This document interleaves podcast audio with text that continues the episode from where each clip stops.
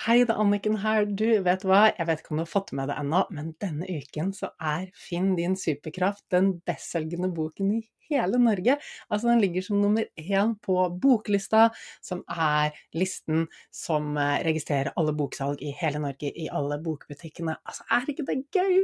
Og jeg har svevd hele uken og varslet et sånn klyp meg i armen Altså, drømmer kan bli virkelig, du, når du bare jobber for dem og går for dem.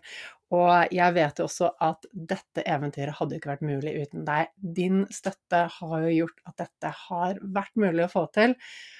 Og hele min mission med å skrive den boken og ha denne podkasten og gjøre alt det andre jeg gjør, er jo å få kunnskapen ut i verden. Fordi vi trenger den alle sammen. Alle trenger å lese boken. Fordi vi kan så fort sitte fast i eget hode og leve et liv som er bare halvparten av det vi egentlig kan få til når vi har gode verktøy og kunnskap om hvordan hjernen funker, hvordan hormonsystemet funker, hvordan vi kan trene mentalt for å få til hva som helst og skape det livet vi elsker å leve. Og du, to ting. Den 14. mai så inviterer jeg deg til lanseringsfest. Det er en digital lanseringsfest som er åpen for alle, og den skal holde sammen med Marius Sørli fra Heart Mentality. Han har vært inne her på poden på to episoder også. Fantastisk fyr, og vi skal dra i gang skikkelig god stemning, skikkelig fest, masse mentalt påfyll, du kan stille spørsmål og det morsomste av alt er at vi skal lodde ut en del premier. Det blir utlodding av eh, Ja, jeg skal ikke røpe alt, men blant annet så lodder vi ut et par billetter til den fysiske lanseringsfesten som er i Oslo uken etter der igjen. Og der kommer det jo masse folk du helt sikkert kjenner i min omgangskrets, og Torkel Færø, som har skrevet forordet til boken, skal også ha et bidrag på scenen. Og det blir god mat fra bl.a. Happy Foods og masse annet spennende. Så bli med på den digitale lanseringsfesten, så kan du også vinne en billett til den fysiske lanseringsfesten i Oslo, og den er da 21. mai. Og du, hvordan blir du med på den digitale lanseringsfesten? Du trenger å registrere deg, så jeg vet hvor mange jeg skal lage rom til i Zoom. Og da går du til annikenbinds.com, og så skriver du skråstrek digital strek boklansering. Der finner du det. annikenbinds.com skråstrek digital strek boklansering, og så finner du det. Og finner du det ikke, så send meg en melding eller e-post, så skal jeg gi deg linken så du får registrert deg, sånn at du kan være med på festen. Tirsdag 14. mai klokken åtte. Vi holder på maks én time. Eh, og enda en kul ting, onsdag 15. mai, til de av dere som bor i Bergen og bergensområdet, onsdag 15. mai klokken 18.00 så er jeg på Nordli i Strandgaten 1 og signerer boken. Altså, bare kom innom. Ta med deg boken om du ikke har fått den signert ennå. Du kan også kjøpe boken der, men bare kom innom. Gi meg en klem. Si hvem du er. Si hva podkasten, kurs eller boken har betydd for deg. Jeg har så lyst til å møte deg på ekte. Altså, det er fantastisk at vi har muligheten til å ha kontakt gjennom sosiale medier og alle andre digitale plattformer, men det å møtes på ekte er helt magisk. Så jeg har kjempelyst til å se deg på Nordli, Strandgaten 1, onsdag 15. mai klokken 18.00. Og ja, du, da kan du bare gå i gang og kose deg med episoden. Det er alltid mulig å ha det bedre og få mer ut av livet. Med riktig kunnskap og gode verktøy så kan du også ta livet ditt til neste nivå. Level Up er podkasten for deg som vil ha mer glede, mer energi, mer overskudd, motivasjon og mening, og rett og slett bare ha et bedre liv.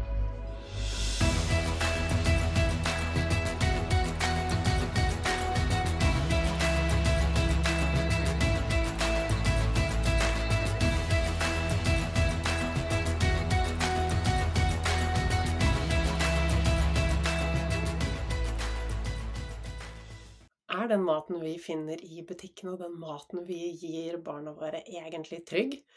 Og hvor viktig er egentlig mat i forhold til eh, både mental og fysisk helse? Hva er årsaken til at vi lett blir trigget når vi får høre noe som kanskje ikke helt matcher den måten vi ser på verden på? Og hva er det vi kan gjøre for å møte det, og hva kan vi gjøre for å gi slipp på dårlig samvittighet? Dette er blant noen av temaene som jeg diskuterer med Maja i ukens episode. Du kjenner kanskje Maja fra Instagram, under, eh, hvor hun har profilen 'ernæringsmamma' og deler masse, masse fine innlegg.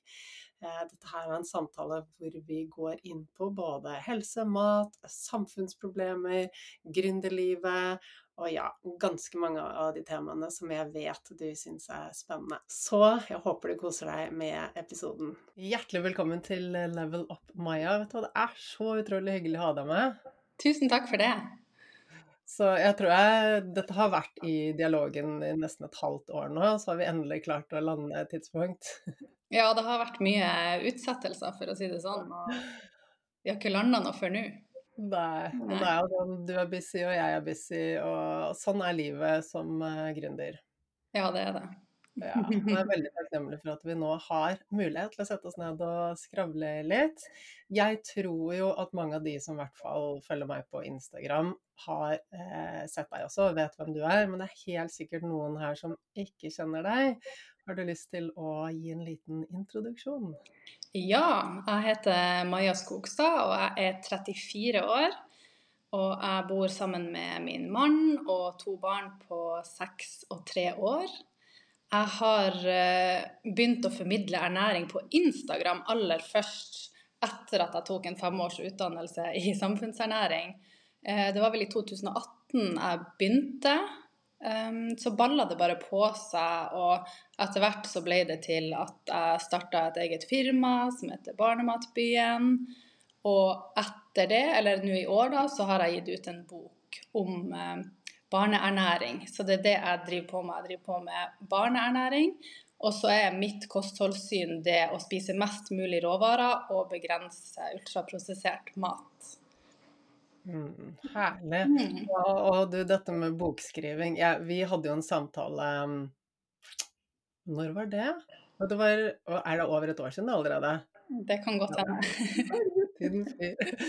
vi var på kafé og snakket om Da, da satt og jobbet med boken. Ja, stemmer. Eh, ja, og jeg hadde ikke startet min bokskrivingsprosjekt. Og det jeg nå ser, når jeg er midt i min bokskriving, mm. jeg ser at det er ekstremt krevende. Mer enn man liker å innrømme. Det tar ofte kvelder og utover det som du egentlig hadde tenkt. Ja, altså jeg, og jeg er glad i å skrive, jeg føler at jeg er god på å skrive, jeg koser meg med det. Men det å jobbe frem en hel bok, det, det er en prosess. Så mm. ja, altså hatten av til alle forfattere, og du er faktisk i mål med boken din. Det er jo så gøy. det er veldig deilig å, å, være ferdig, selv om man allerede nå begynner å tenke liksom, å, kanskje en til bok. Eh, men jeg kjenner jo også at jeg må roe litt ned og ikke ta for meg for mye prosjekter, for det blir ofte det er så mye mer tidkrevende enn det du har lyst til å innrømme. Men det er jo fordi man har lyst til å gjøre det, at man takker ja til sånne ting, da. Ja, da, og det er jo så gøy. Og jeg, jeg ser jo nå sant, Da jeg leverte inn uh, andreutkast av manuset, så var det sånn at jeg hadde sittet og jobbet med det intensivt i tre, nesten fire uker. Mm. Og liksom levere det fra meg, bare det var en sånn forløsning. ikke sant? Så jeg, så jeg skjønner jo at det, det, er lett å tenke at det, Og det, det er gøy. Disse prosjektene er gøy. Du og jeg vi har noe som vi virkelig vil formidle til verden. Uh, og jeg ser jo at gjennom en bok så får jeg muligheten til å være mer nyansert, gi mer informasjon enn ja. det jeg får til liksom, på podkast eller i kurs. Jeg får gått i dybden. Så mm. jeg er veldig glad for at jeg skriver boken og kan gi fra meg den kunnskapen. Men så har jeg også erfart da at det, okay, det er så tidkrevende, og det er så mange ting i livet som er viktig for meg. Og det er jo liksom helsen og det er barna. Nå er mine barn 11 og 13, og jeg ser at det er ikke lenge før de er tenåringer mm. og helst vil henge med venner. Så den tiden vi har nå, er så viktig. Mm. Så jeg ser, at, um, jeg ser, at, jeg skal vente med flere bøker til barna har blitt større. ja.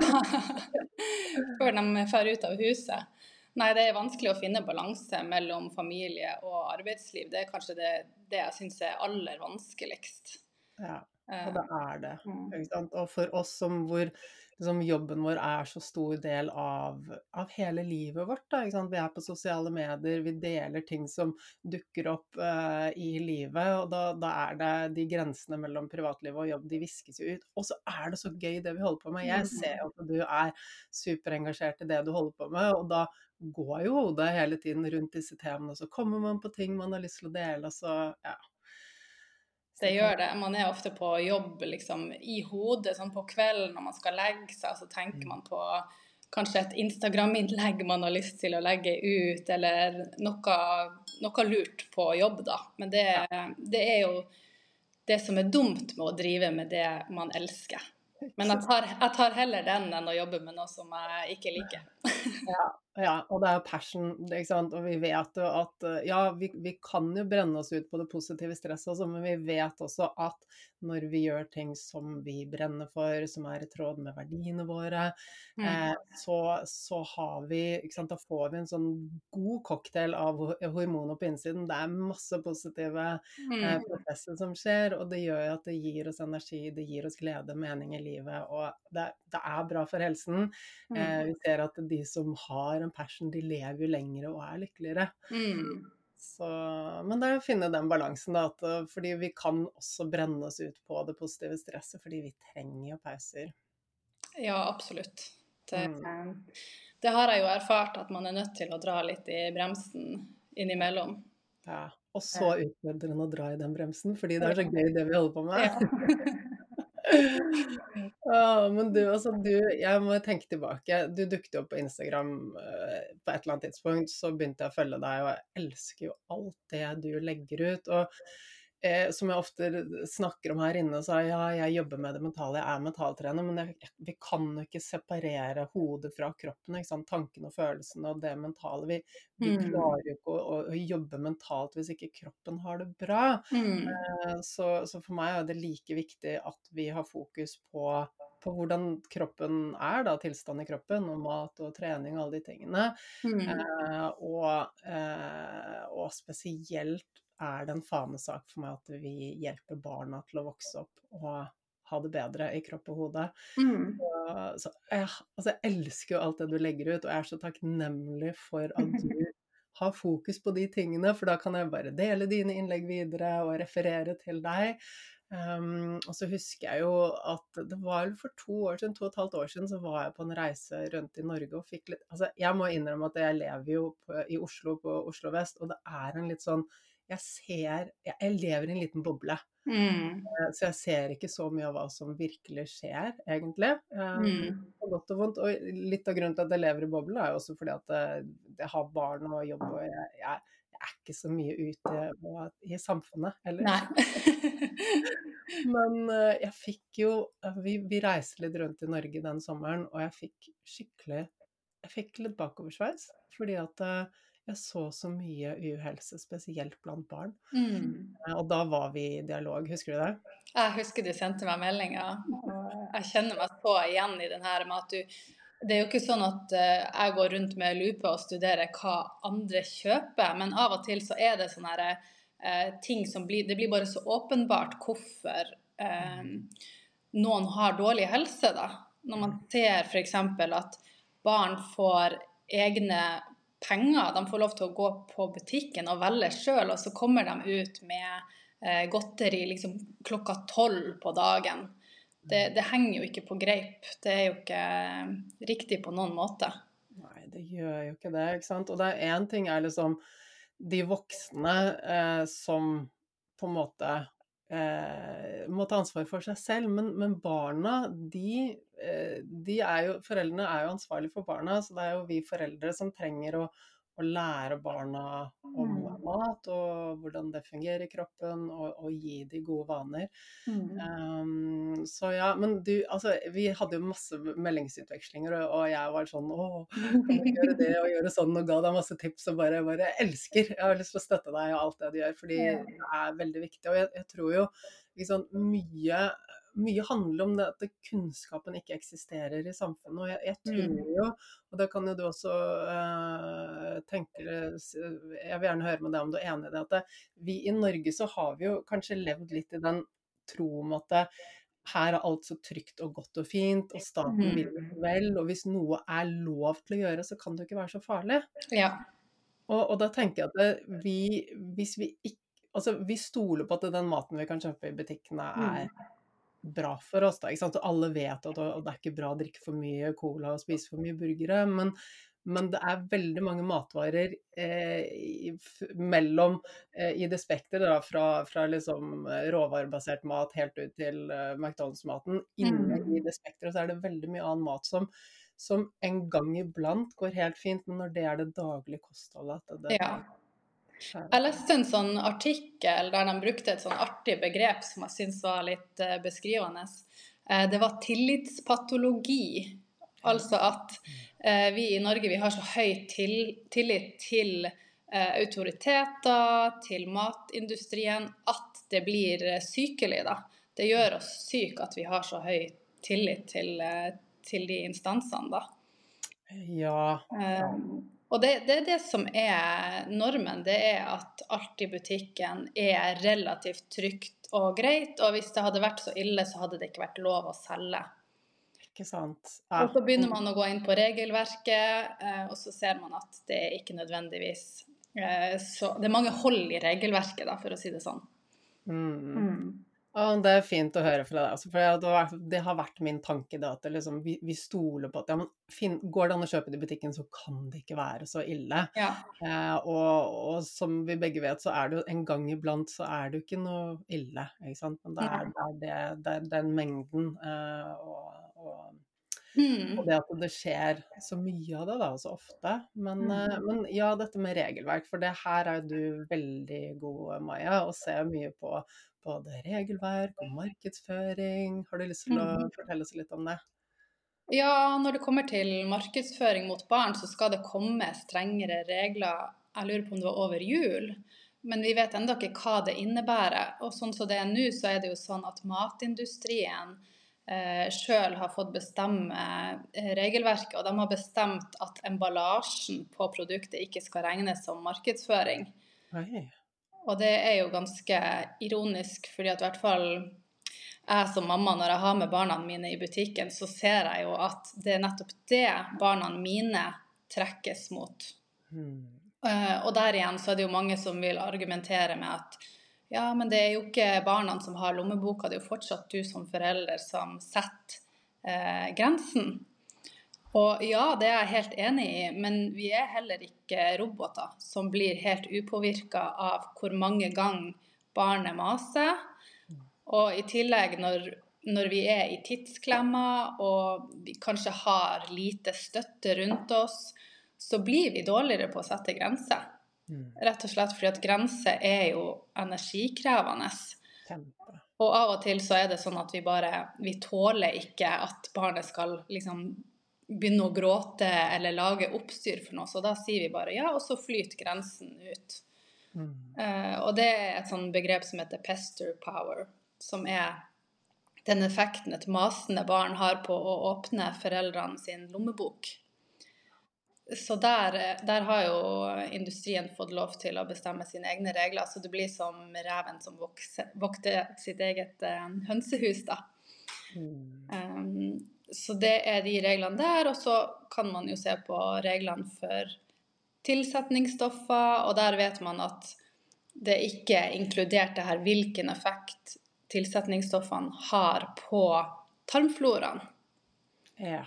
Eh, og da når man nettopp ser det i dyrestudier at visse tilsetningsstoffer, ikke alle, men noen kan ha negativ effekt hos, eh, på tarmfloraen hos dyr, så blir på en måte det sånn eh, Da sier industrien ja, men da vil vi ha menneskestudier før vi kan eh, si at det blir ulovlig. Og det er jo eh, veldig urealistisk å klare å gjennomføre. Det er jo uetisk å, å gjøre sånne typer studier, da, fordi det kan være helseskadelig.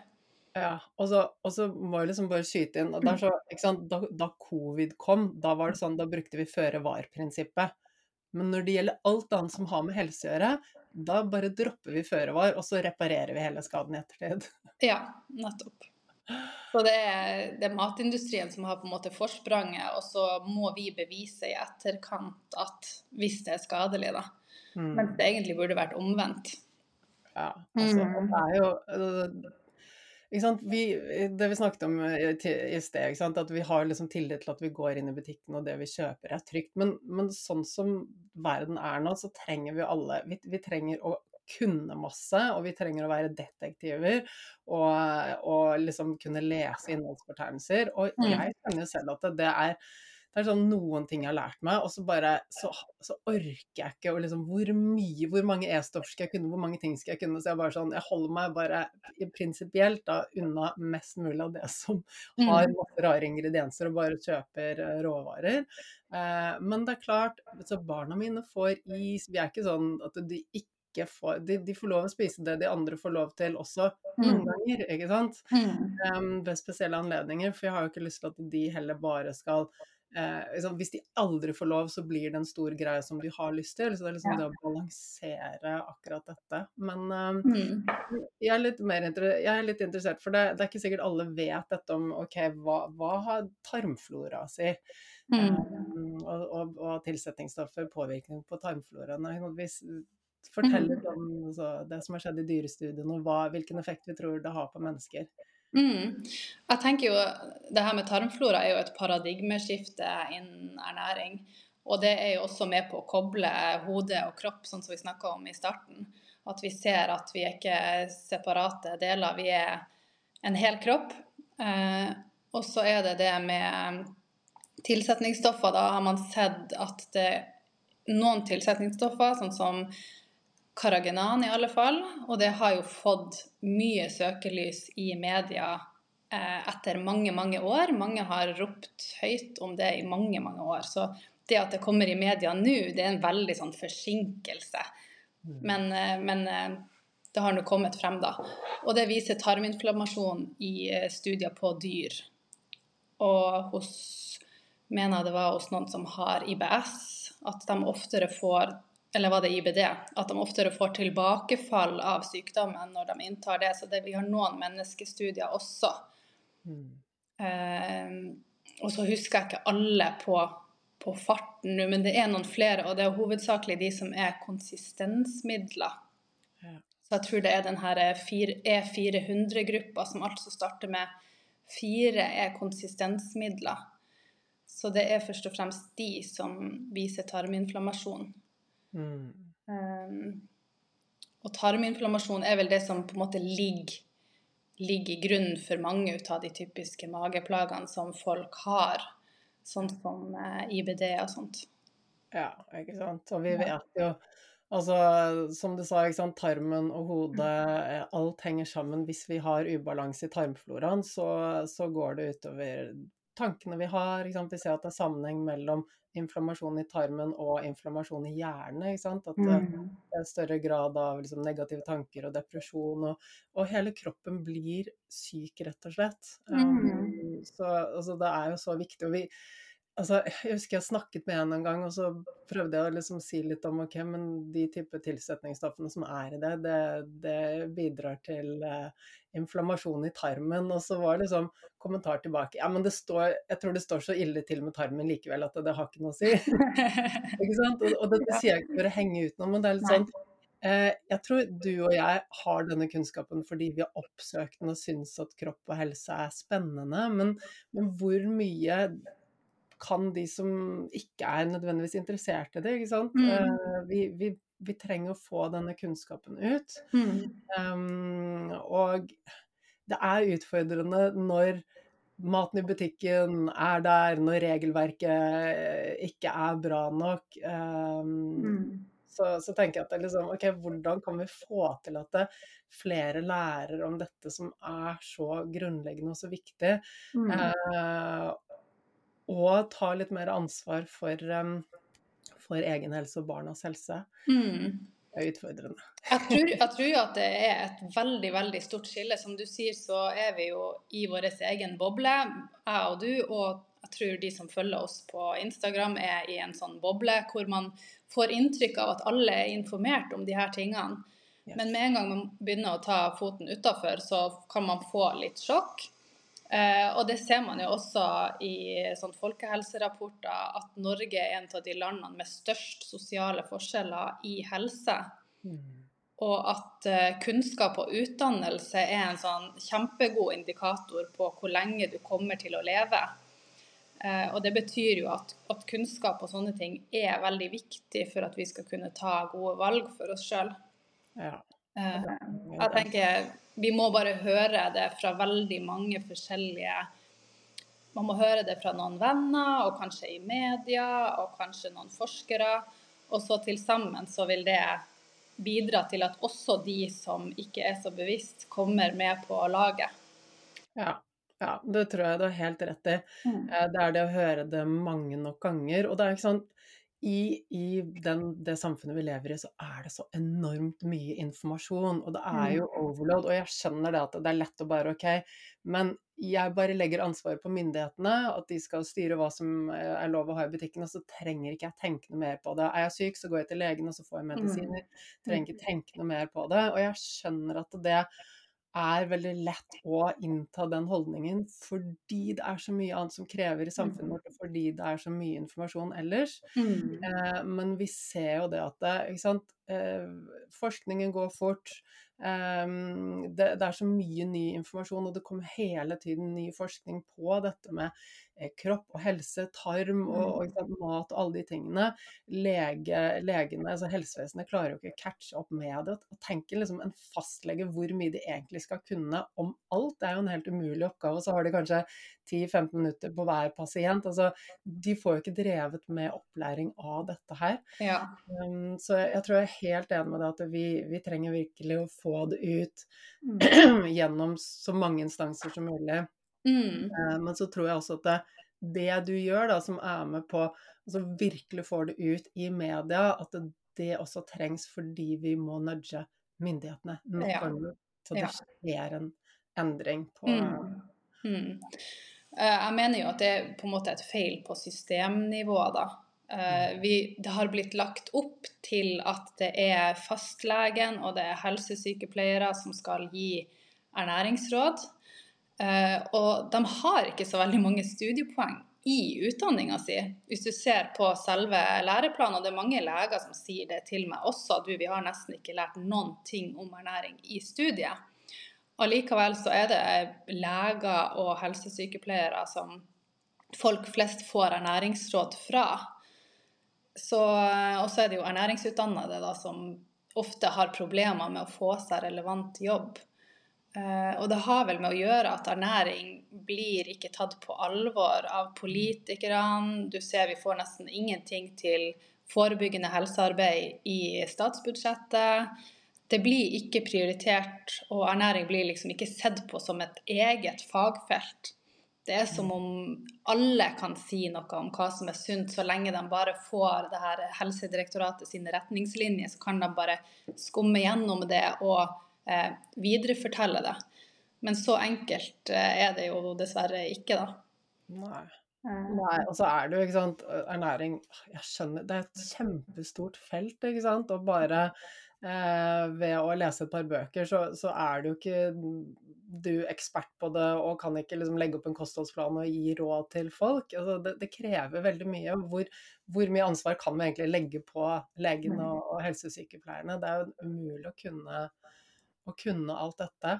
Mm. Um, men ja, altså, og jeg vet at du også eh, Altså en av de måtene du Du jobber for deg selv nå. Mm. Og jeg mm. vet også at du har fått tilbud om jobber innen ernæring som du har takket nei til. Ja, kanskje ikke fast jobb noen steder, men vi får i alle fall forespørsler om eh, sponsa midler. Mm. Fra diverse matprodukter og sånne type ting.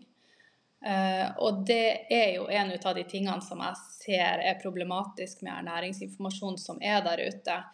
Du har MILS, som har fettskolen, underviser på ungdomsskolen om hvilken type fett som er best.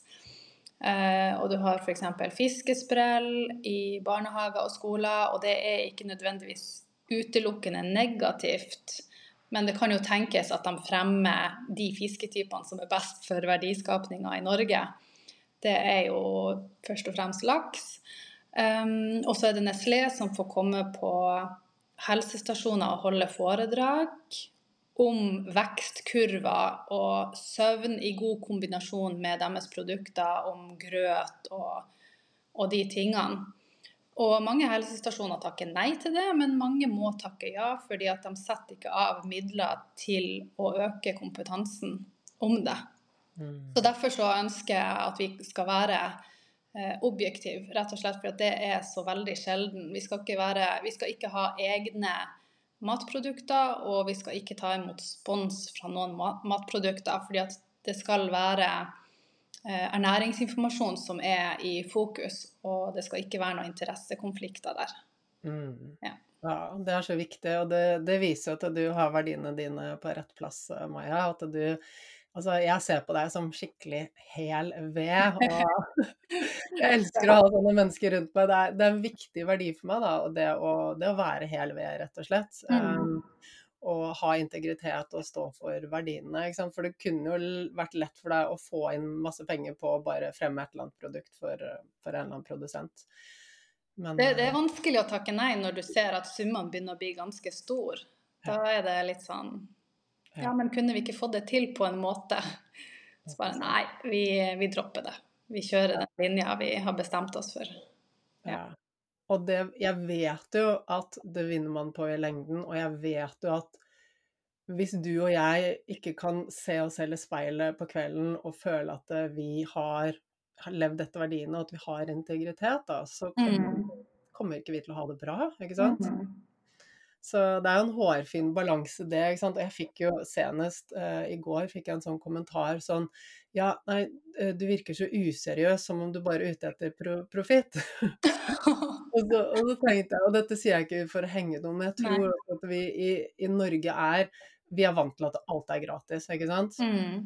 Men jeg driver en bedrift og skal lønne fire stykker, så hvis jeg ikke sørge for at vi har penger som kommer inn. Da er det mm. fire stykker som ikke får lønnen sin. Mm. Vi, jeg, jeg, kan ikke drive en bedrift på veldedighet. Mm. Uh, og liksom jeg kan ha denne podkasten. Min mission er å eh, hjelpe flest mulig gjennom å dele kunnskap. Mm. Og måten jeg kan opprettholde å ha denne podkasten på, er jo det at jeg kan få inn penger på kurs og én-til-én-samtaler. For hvis jeg ikke hadde tatt meg betalt, så hadde ikke jeg kunnet sittet her nå og hatt en samtale med deg. Uh, og jeg vet at det er også ting som du jobber med å ha den balansen, ikke sant? for du har jo mm. medlemskapet ditt mm. også. Uh, og du sier nei til da store penger som mm. ville betydd at du uh, må gå tilbake på det som du mener, da, og, og, og promotere produkter som du ikke står inne mm. for. Mm. Og så skal du likevel Jeg vet at din mission er å spre denne kunnskapen og, og, og påvirke så vi får en endring på systemnivå. Det, det mm. ser jeg fra det, du, fra det du deler. Og så skal du også ha noe å leve av. Mm.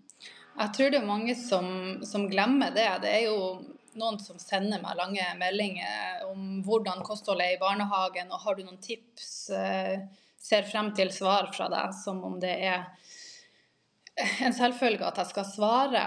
Og så mm. ser man kanskje ikke på det store bildet at eh, OK, her er det 67 000 følgere, det er mange som sender melding, og jeg har holdt på med det her i fem år.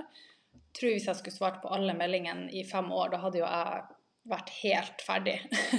ja. Og i tillegg det her med at man har en bedrift og man skal ha lønn til de som jobber for deg, man skal betale grafisk designer, og man skal ha råd til å takke nei til spons og de tingene. Men jeg tror også det er noe med de sosiale mediene at folk er vant til å få ting gratis. Mm. Men så glemmer man også at det, litt, det kan være forskjell på, på, de som ikke har utdannelse, og på de som har utdannelse og som har vært i gamet lenge. Mm.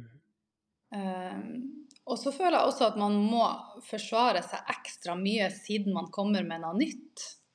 For hvis vi bare hadde vært en bedrift som eh, ga vanlig ernæringsveiledning og promoterte Helsedirektoratet sine kostråd, så tror jeg ikke vi hadde fått like mye kritikk.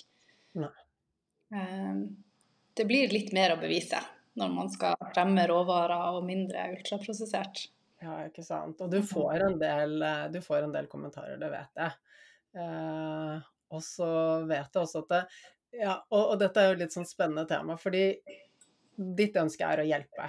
Mm.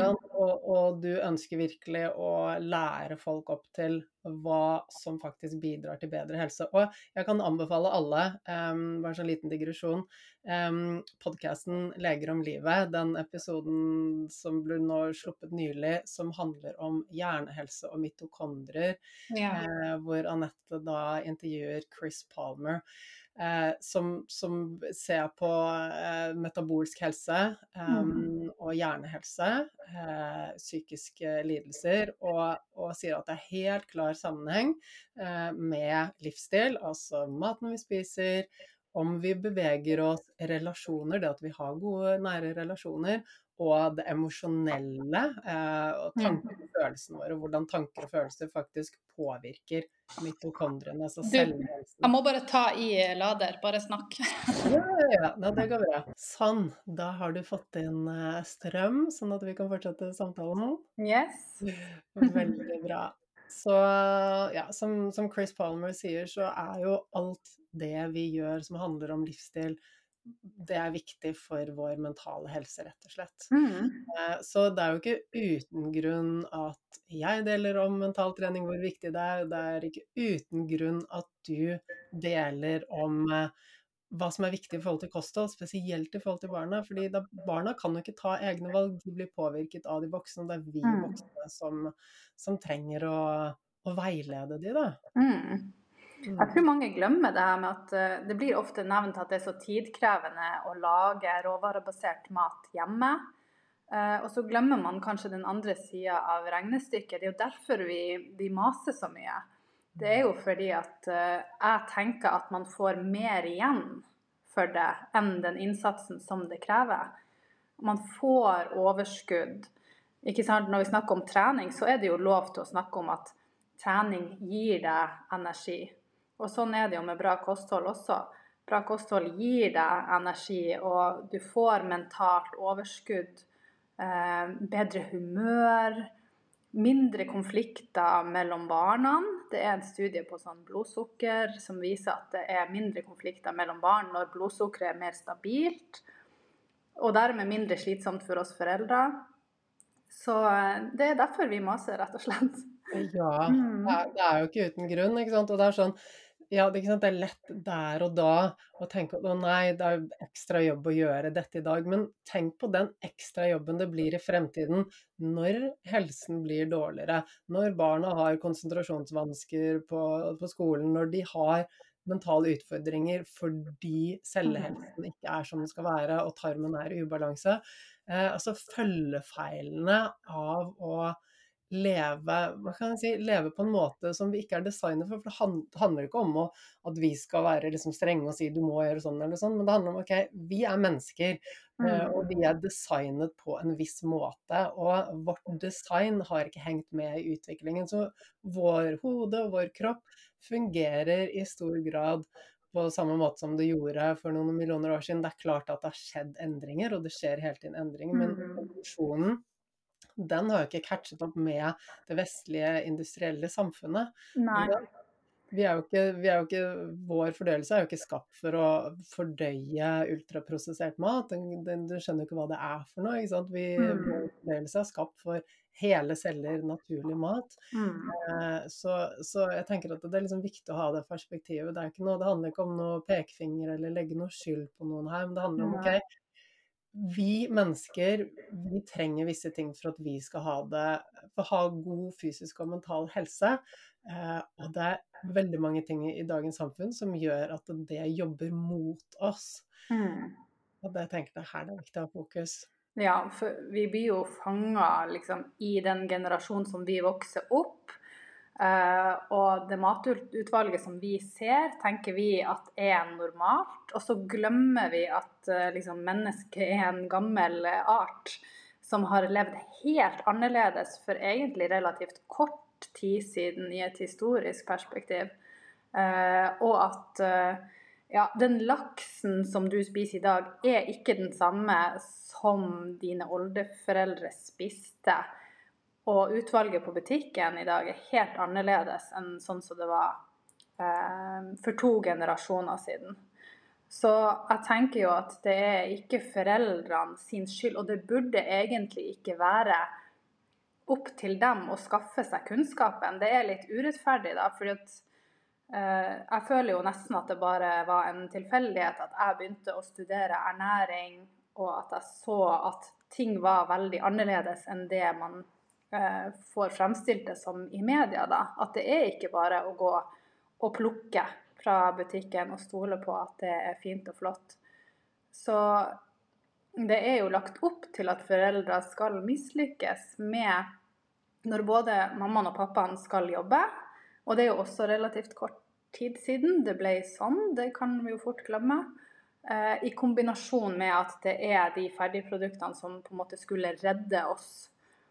Eh, og så forsterker jo markedsføring det her inntrykket også at eh, du kan bare forte deg med en Toro-pose, og så kan du få mer tid med barna dine og de tingene der. Så jeg skjønner jo at alt er lagt opp for at foreldre skal gå den veien, og ikke at de skal gå tilbake til det råvarebaserte som vi er ment å spise.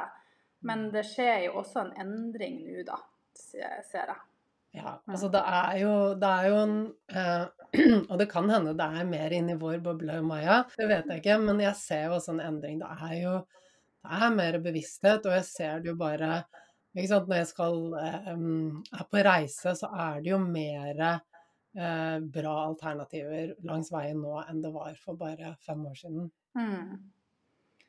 Mm. Jeg føler det er, no, det er, noe som blir eh, bedre, og samtidig så er det noe som blir verre. Ja. Sånn som f.eks. at vi har begynt å ta inn sånn her eh, utenlandsk godteri eh, som ungdommene driver og tester i sosiale medier på TikTok og at det kommer i leketøysbutikkene og, og, de tingene. Og samtidig så har jeg sett at det er noen som tar et bevisst valg og skriver sånn f.eks. i barnehagen at vi har ikke de og de tingene fordi at helse er viktig, og fordi at det er viktig å begrense ultraprosessert mat. Så du ser at de som velger annerledes, har fått informasjon og tatt et bevisst valg. Mm. Um, ja. ja.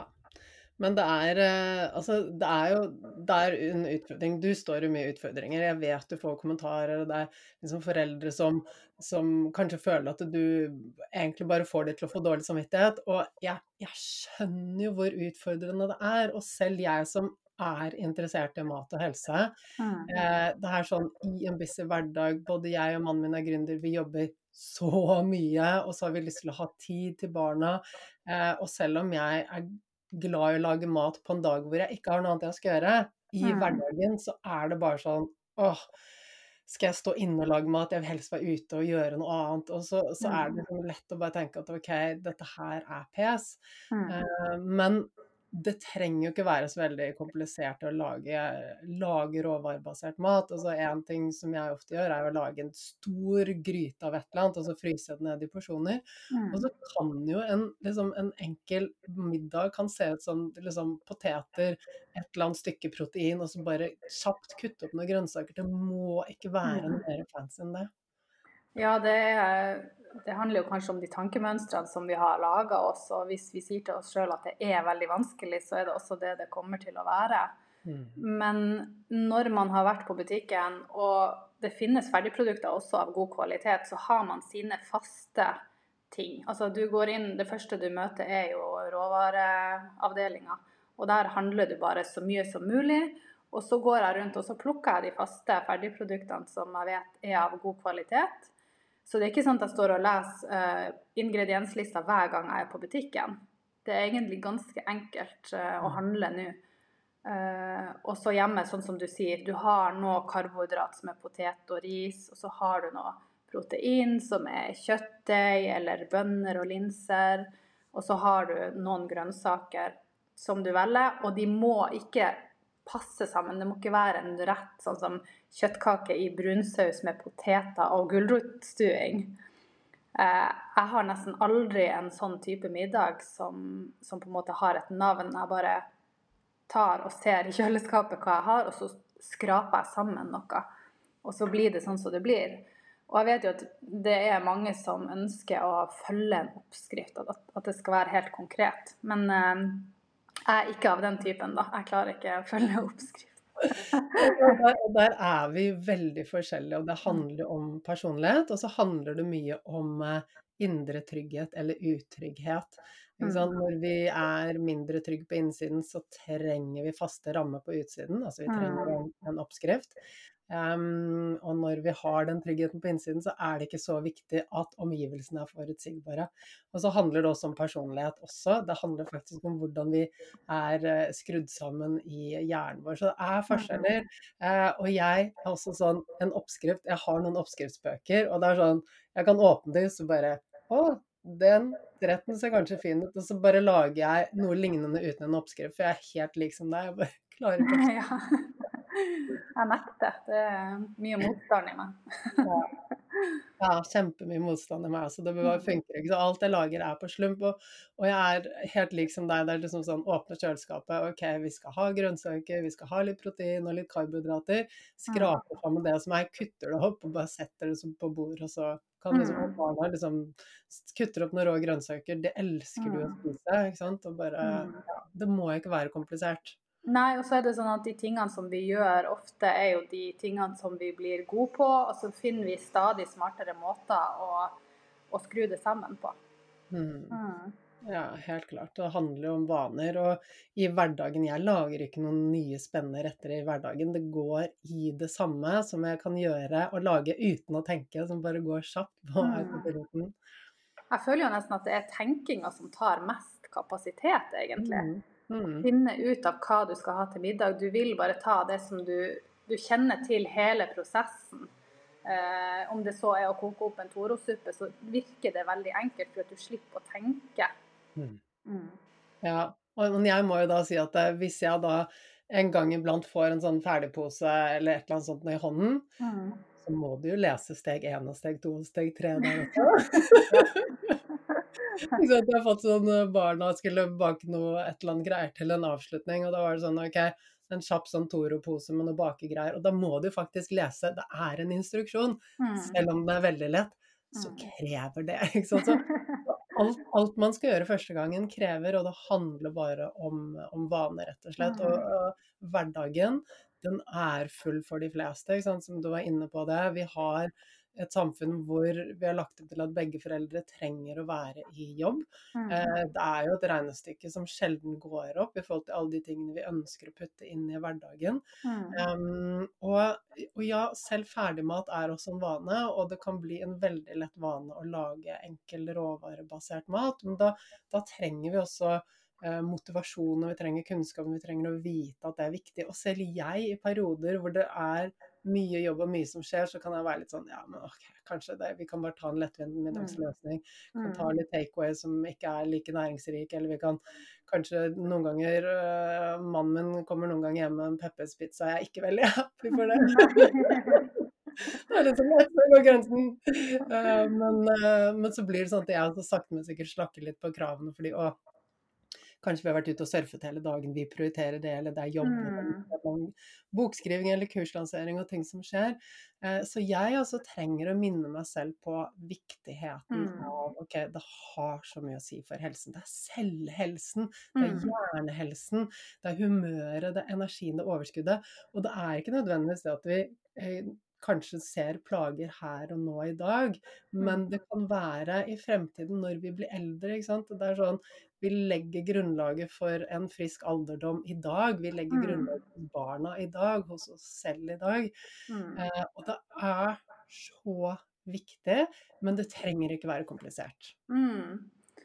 Har, ja, det er både de langsiktige tingene man gjør det for, men jeg tenker også kanskje at vi ikke har snakka nok om de kortsiktige effektene også. Som man kanskje ikke nødvendigvis tenker har noe med kostholdet å gjøre. Og mm. om det har noe med kostholdet å gjøre, så er det veldig vanskelig å få det ned i studier, nettopp fordi det er så veldig mange forskjellige ting som påvirker oss hver eneste dag.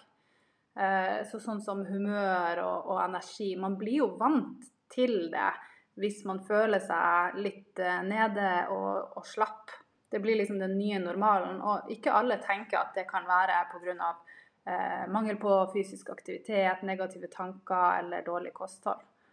Mm. Mm. Det har du så rett i.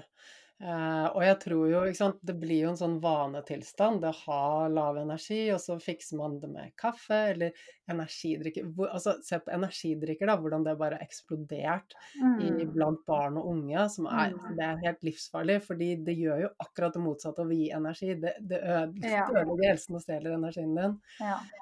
Så jeg tror at folk er veldig vant til at ok, når energien blir lav, så fikser jeg det ved å tilføre noe utenfra, Mm. istedenfor at, uh, istedenfor at den energien kommer innifra fordi du har en kropp som er uh, i balanse. Mm. Og nå har jo Dent også kommet med sånne koffeindrops. Nei. Og den ser jo veldig sånn barnevennlig ut på utsida. Oi. Eh, Så det blir jo spennende å se hvordan den blir tatt imot. Men, men det er jo nettopp det med å, at folk skal få vite hva det er de egentlig kjøper. Sånn som Red Bull gir deg vinger. Mange barn og unge tror jo faktisk det. Altså de Mm. får energi av det.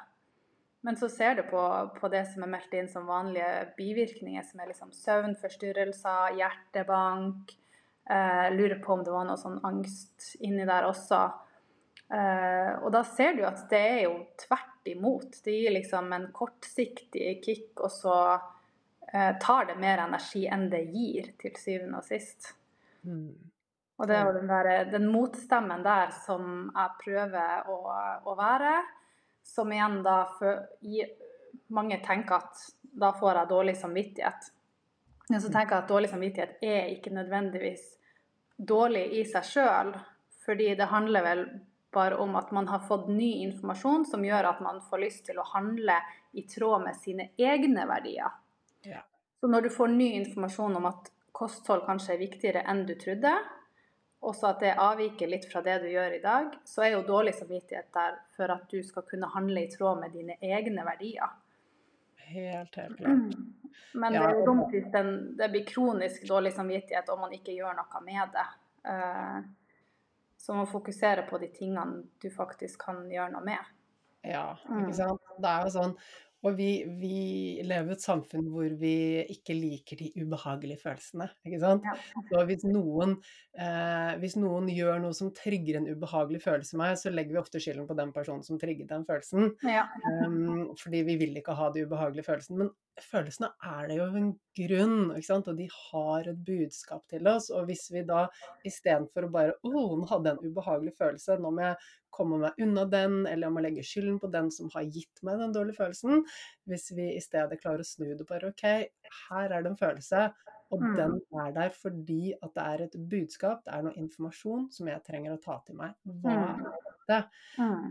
Så vi snur det, da blir ikke den følelsen så farlig. Eh, vi kan se på den mer objektivt. og bare, ok, det, det er en grunn til at den følelsen er der. Hva er den grunnen? Eh, og så kan vi ta et valg. ok, Er det noe jeg skal gjøre noe med? Eh, Mm. eller skal jeg ikke gjøre noe med det? Og hvis vi ikke skal gjøre noe med det, så kan vi også velge at det, vi kan velge å slippe den dårlige samvittigheten eller den dårlige følelsen. Vi, vi trenger ikke gå rundt og kjenne på den. Vi kan ta et valg om å si at ok, ja, nå dukket det opp noe informasjon i form av en følelse. Jeg ser på det. Er det noe jeg skal fikse, gjøre noe med, endre? Hvis Mm. ja, så kjempefint, da gjør jeg det. Og hvis nei, greit, men da gir jeg også slipp på den følelsen, istedenfor å gå og kjenne på den igjen og kjenne på den igjen. Eller Mm. det det, er, det er Maja som gir den til meg. Ja. ja, det er jo en, en veldig vanlig tilbakemelding som jeg får. Eh, Det er sånn her at eh, jeg starta å følge deg, og først så måtte jeg eh, avfølge deg hver gang jeg følte at liksom mine matvaner sklidde ut. Så de har liksom gått av og på med følger og avfølg og følger og avfølg. Men nå er jeg her. Og så liksom kanskje til og med de blir medlem i Barnematbyen til slutt. Men det er jo en sånn her eh, veldig lang prosess, da. Eh, å kjenne på de vonde følelsene og, og kanskje justere seg til ny kunnskap. Det er jo absolutt utfordrende. Men det er veldig mange som får seg en aha-opplevelse når, eh, når jeg snakker om det her med kognitiv dissonans. At det er helt vanlig å gå i forsvar når du får informasjon som kolliderer med det verdensbildet du har laga deg. Eh, Og verdensbildet til folk flest er jo at maten på butikken er trygg og, og sunn, og myndighetene tar vare på oss, og de tingene der. Mm. Så det er helt naturlig, og det er ikke meninga at man skal sluke ny informasjon og ta det til seg med en gang, helt ukritisk. Eh, det er en sånn endringsprosess som man må gjennom, rett og slett. Ja, og endring det gjør vondt, fordi at hjernen liker jo ikke det som er uh, nytt og ukjent, fordi det kan være farlig. Og da Mm. kommer piggene ut, da kommer liksom stressresponsen på, vi må være på vakt, og alt det som er nytt kan være farlig, Mm. fordi hjernen har programmert deg til å bare repetere de samme gamle mønstrene, dvs. Si dine tankemønstre, din måte å se på verden på, det er det som er trygt. Mm. Eh, og det handler ikke om at det er det som er bra for deg, men det handler om at hjernen vet hva det er. Det er kjent terreng. Og Mm. da vet en i hvert fall at det ikke er noen farer der. Men alt som er nytt og ukjent, det kan jo være farlig. Så det er helt naturlig at, um, at mange får på litt sånn pigger og kjenner på dårlig samvittighet og, og alle de der stressreaksjonene som kommer i forhold til dette nye verdensbildet Mm. uh, som blir presentert. Og alle foreldre ønsker å gjøre det beste for barna sine. Ikke sant? Alle gjør det beste de kan Mm. fra den informasjonen de har, den kapasiteten de har, de omstendighetene, så gjør alle eh, sitt beste. Og alle vil jo være gode foreldre. Og det er klart at det, det gjør vondt å plutselig se at OK, men det jeg gjør er kanskje ikke det beste for barnet mitt. Det er kanskje noe annet som jeg kan gjøre som vil være bedre. Mm. Men da er det også viktig at vi klarer å liksom skille litt her, og ikke, ikke bare For dårlig samvittighet og stress, det handler jo om hvordan vi ser på tingene. Og vi velger jo selv om vi skal få dårlig samvittighet eller ikke. Det er en følelse vi selv lager. Vi Mm. må ikke eh, få den dårlige samvittigheten eller lage den. Vi må ikke lage den selv. Vi må ikke, ikke sant? Hvis noe dukker opp og det er en sånn umiddelbar stressreaksjon og triggerreaksjon, så må ikke den fortsette. Ikke sant? Vi kan møte den og bare OK, hva handler dette om? Ja, greit, jeg dealer med det, eller jeg dealer ikke med det. Mm. Istedenfor bare å, nå er jeg trygget, nå er jeg stresset, nå, nå får jeg dårlig samvittighet. Så, Mm. sant? så det er klart at den umiddelbare reaksjonen og følelsen kan dukke opp, men vi velger selv om vi skal fortsette å være i den eller ikke. Og det, det tenker jeg er kjempeviktig. Eh, og det er helt normalt å bli trygget, det er helt normalt når verdensbildet ditt blir liksom rokket på, Mm. så er det veldig ubehagelig. Og det er også noe av det vi jobber mye med i, eh, i kurset mitt, er jo rett og slett å snu helt opp ned på hvordan de deltakerne ser på seg selv og verden. Mm. Og sier, nå er det sånn, når vi kommer til, når vi kommer til den modulen i kurset, så sier jeg nå er det litt sånn Nå tar vi teppet og bare drar det bort under bena deres. Det, det er heftig, det er skummelt, og det skal det være. Mm. Men hvis vi fortsetter i det gamle verdenssynet, så Mm. kommer ingenting til å bli bedre. Mm. Så, så alt endrer seg når vi begynner å, å tørre å se ting på en annen måte. Og etter hvert når vi har gjort mye av det, og du kan sikkert kjenne igjen i det, så blir det en litt sånn Da er det det som er den vante mønsteret, eh, som Mm. hjernen liker. Det å kunne se ting på en ny måte, og det å åpne for nye perspektiv, Mm. som blir kjempegøy og kjempespennende. Mm. Jeg føler jo av og til at eh, jeg nesten blir sånn der ernæringspsykolog, fordi det er så mange tankemønster som står i veien for at, eh, at noen skal på en måte ta inn over det budskapet. F.eks. så er det veldig vanlig å tenke at jeg gjør alt 100% perfekt. Der sitter hun på sin høye hest og lager 100% råvarebasert mat. Og aldri gir ungene sine godteri, og det stemmer ikke. Og så er det jo det her med at det er alt eller ingenting. Du må ha bare råvarebasert og aldri kjøpe ultraprosessert. Og så glemmer man at problemet er jo at handlekurven består av rundt 50% ultraprosessert mat, og at det er mengden som er, har blitt eh, helseskadelig for oss. Mm. Eh, Så det er jo det å bryte ned alle de her, og så kan du på en måte begynne å komme inn med den ernæringskunnskapen, fordi det, vi har så mye tankemønstre som står i veien. Mm. Der gjør jo du en veldig god jobb med å gjøre folk bevisst. Mm. Ja, det er jo som du sier, det er, det er skummelt når verdensbildet rokkes ved. Ikke sant? Plutselig så er det verdiene våre, jeg vil være en god forelder, gjør jeg ikke en god jobb? Ikke sant? Så det er så mange sånne pigger som kan være ute.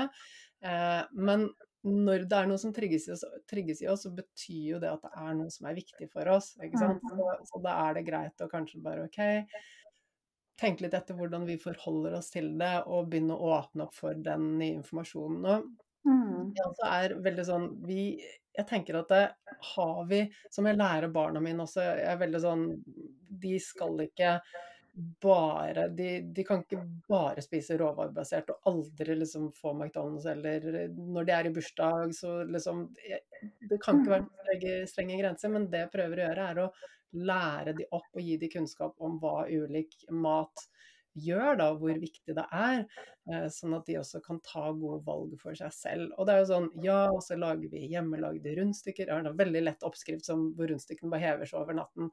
ikke sant? Men til slutt så blir de lei av de hjemmebakte økologiske rundstykkene, og så vil de ha den ferdigmaten som de andre har på skolen. Ja. Og, så, og da er jeg sånn, ok, da får dere sånn, og de, noe av det de elsker mest, er jo sånn sånne pasta med sånn der fyll inni som du får på Ja. Du koker opp på noen minutter, og så er det sånn Ja, men noen ganger så er det det de får da, og ikke de hjemmelagde rundstykkene. Mm. Fordi at det er det de andre spiser, det er det de vil ha. Og Mm. jeg tror ikke på enten-eller og strenghet, men jeg tror på at du har Hvis basisen er nærende mat, så tåler jo kroppen mye mer av den ikke Mm. bra maten. Mm. Eh, og når kunnskapen er der, så vil også barn etter hvert ta bedre valg når de blir voksne. Um, og de ser jo selv at vennene deres er veldig mye forkjølet. Barna mine er aldri forkjølet. Mm. Det er at vennene deres ofte sliter med at de er slitne og sier at de er slitne. Barna mine er ikke slitne. Mm. Ikke sant? Og de ser det. De bare 'Mamma, jeg legger merke til at vennene mine er mye mer slitne Mm. mye mer syke enn meg'. Og da begynner de også å sette pris på at vi faktisk har et eh, godt kosthold. Mm. Altså ikke det, jeg er ikke ute med noe sånn Nei, du får ikke det, men jeg sier OK, på lørdag så får vi godteri, og en gang iblant så er det dette og dette. Og så bare, hvis de skal spise noe godteri, så er det først noe ordentlig mat i magen noen proteiner, sånn at det ikke det går utover blodsukker. Og jeg, sånn, jeg lærer de de prinsippene, og da Mm. klarer de også å se den sammenhengen selv. Mm. Ja, det er det som er viktig før de skal ut fra husets fire vegger og ta gode valg sjøl. Og jeg føler nesten at det, de blir bare yngre og yngre nå. Yes. Eh, når de begynner å få egne penger og skal kjøpe ting på butikken. Og det er litt sånn urovekkende, for jeg kan ikke huske at jeg fikk penger og skulle ta egne matvalg så tidlig. Eh, så jeg tenker jo at det man gjør hjemme og i barnehagen og på skolen, det kostholdet som er der, er veldig viktig. Så Det er derfor vi jobber såpass mye ut mot eh, barnehager, for det er jo rundt 40-60% av energiinntaket som skjer i barnehagen. Og barnehagen er også ekstra flink, fordi eh, de vil jo gjerne spise det som de andre barna spiser. Så det kan jo enten bli en god sirkel, at de får et bedre kosthold, eller så kan det bli en dårlig sirkel, at de begynner å eh, spise klemmeost i barnehagen, og så vil de ha det hjemme. Eh, Men så lenge man gjør de så godt man kan hjemme, og, og si ifra til barnehagen hvis det er noe man vil ha endra, så er det så langt som vi kommer. Og vi må jo være en del av samfunnet også, sosialt sett. Vi må kunne gå i bursdager og, og takke ja av og til til de tingene, fordi hvis ikke så blir det veldig kjipt. Mm. Mm. men, men det hjelper jo å, å bo et sted hvor man ser at det er flere bevisste mennesker, eller gå på barnehage og skole der man ser der de har en kostholdsfilosofi, for da treffer du mange av de andre samme type menneskene. Og da blir det også lettere å ja, gå i bursdager, for du ser at det ikke er både smågodtpose og kake og popkorn og liksom helt overflod, da. Ja. ja, veldig bra. Eh, Og det er jo ikke sant, som både du, som du også sier så ofte, det er ikke det handler ikke om det du gjør innimellom, det handler om at det er mengden, og at det er lagt opp Altså samfunnet har bare blitt sånn at det er så mye søtsaker og ultraprosessert mat i, til alle anledninger, og det er der problemet ligger. Mm. Mm. Ja, vi fremmer jo ikke nulltoleranse, for det kan jo også skape et anstrengt forhold til mat. Så vi eh, Noe som vi har fått veldig god tilbakemelding på, det er denne posten hvor vi har skrevet alle de forskjellige dagene. Eh, I løpet av et år så har du jo 52 lørdager. Du har juleferie, høstferie, sommerferie, du har 17. mai. Du har pinjatafest pinjata-fest i barnehagen, du har halloween. Ikke sant? Og når man begynner å summere opp alle de her tingene, så snakker vi at du er på minst 100 av 365 dager som man gir søtsaker. Eh, og så ser man at folk snakker om at vi skal gjøre alt med måte i sånn kommentarfelt. Alt med måte, balanse. Og så bare sånn Ja, men la oss ta en liten realitetssjekk på hvor ofte det her er. Hvor mange ganger er det i løpet av en uke vi skal gi? Mm. Uh, og i foredragene som vi holder for barnehagen, så bruker vi å stille det spørsmålet. Hvor mye syns du er alt, måte, alt med måte? Og så sier de fleste at det er én til to ganger i uka. Eh, og så summerer vi opp de her eh, dagene hvor det er forventa at vi skal gi barn godteri, og så ser vi at det er liksom en uoverensstemmelse der, da. Mm. Det er veldig, veldig nyttig for å bli litt mer enige om hvor mye søtsaker barn egentlig skal ha. Ja. Mm. er fint å få det i perspektiv, fordi eh, det, det er litt sånn, ikke sant det, Vi blir vant til at det bare er sånn, og så, så glemmer vi å se på det store bildet og summere på okay, hva, hva, hvor mange dager er det egentlig, hvor mm. bare kose oss litt. Det blir mye. Ja, mm. det gjør det. Og så eh, det her henger jo også sammen med ultraprosessert mat, som har mye tilsatt sukker i seg ofte, eller er behandla på en måte som gjør at sukkeret frigjøres så jeg tenker at når man har et kosthold der man fokuserer på å spise råvarer og minst mulig ultraprosessert mat, så blir det også plass til at man kan eh, kose seg på, på lørdag, minst. Eh, men når hverdagskostholdet blir fullt av tilsatt sukker, så er det ikke så mye rom for så mye annet, mm.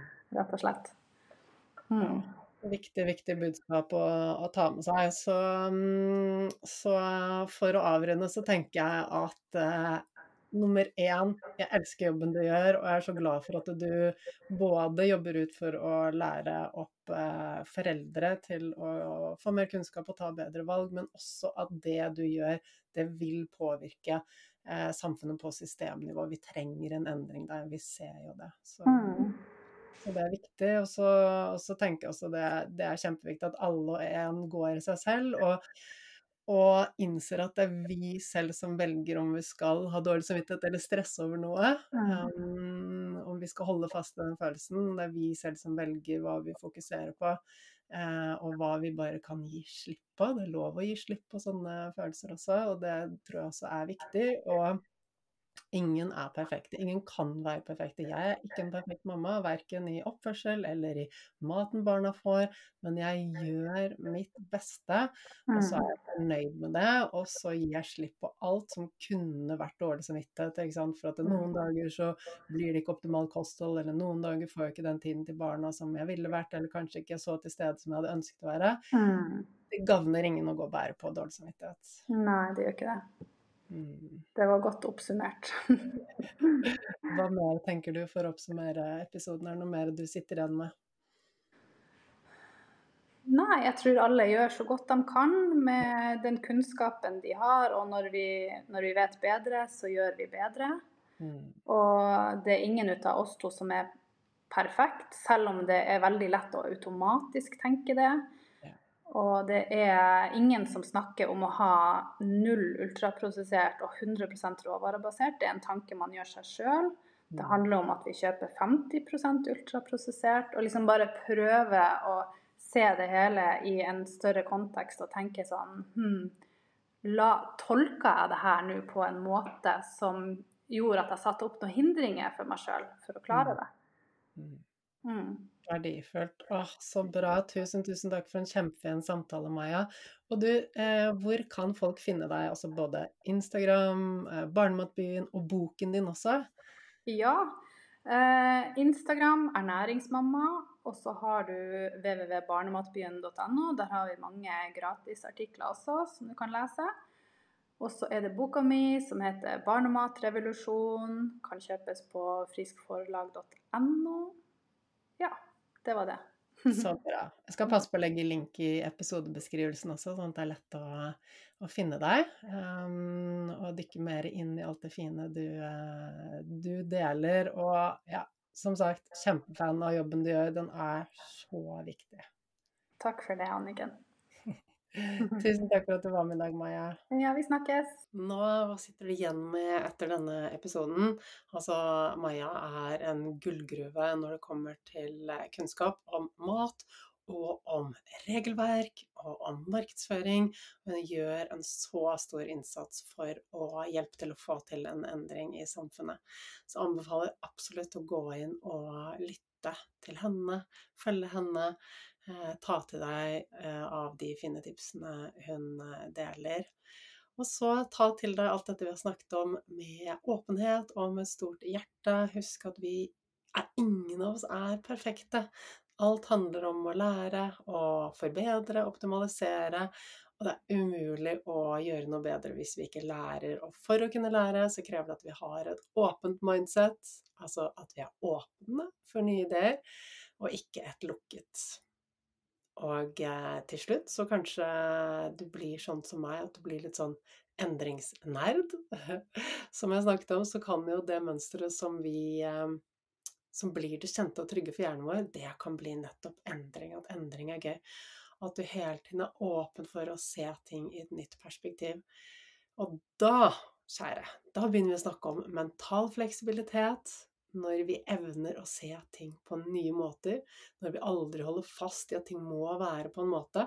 Og du vet at forskning det endrer seg jo, og det vi vet i dag, vil kanskje være forkastet om noen år når vi har ny forskning på bordet. Altså, jeg tror ikke alt det vi har snakket om her i denne episoden her blir forkastet, men at vi kommer ny informasjon til, det er jeg helt sikker på. Så det gjelder å ikke være så eh, lukket i eh, tankesettet være åpen for nye ideer for at vi skal kunne bevege oss fremover, for at vi skal kunne ha en endring, og for at du skal kunne være mer lykkelig, for at du skal kunne få bedre resultater og nå målene dine. For at du skal kunne komme dit, så er nemlig mental fleksibilitet den viktigste ferdigheten. Og det handler rett og slett om at ting ikke må være på en viss måte, at du kan akseptere at det er andre måter å se tingene på, leke deg med andre måter å se tingene på, og det vil gi deg det, Altså, det vil åpne så mange dører i livet ditt. Um, og det er en av de viktigste tingene jeg ønsker å lære deg, både du som lytter her, og de som går gjennom kurset mitt og jobber med med én-til-én. Den viktigste, viktigste ferdigheten er mental fleksibilitet. Sånn, vi kan tenke at det viktigste er å eh, sant, øve på dette, det ene og det andre, bli bedre på det ene og det andre. Men det er ingenting som funker hvis vi ikke har trent opp den mentale fleksibiliteten. For å klare det, så trenger vi å bygge indre trygghet, indre styrke det er det, vi kan på ingen måte regne med at vi skal være mentalt fleksible hvis vi, eh, hvis vi føler oss små på innsiden, hvis vi ikke har den indre styrken. Så det er selvfølgelig eh, ett steg på veien til mental fleksibilitet. Og mye av det kan du gjøre også ved å bare møte deg selv, stille spørsmålstegn ved det du tenker, det du føler, det du gjør. Må det være på den måten, eller kan det være på en annen måte? Så jeg håper du tar med deg denne lille nysgjerrigheten inn i livet ditt, og begynner å leke deg med å se på deg selv på nye måter, og trene opp evnen din til å være mer mental fleksibel. Så jeg gleder meg til å se deg igjen neste uke.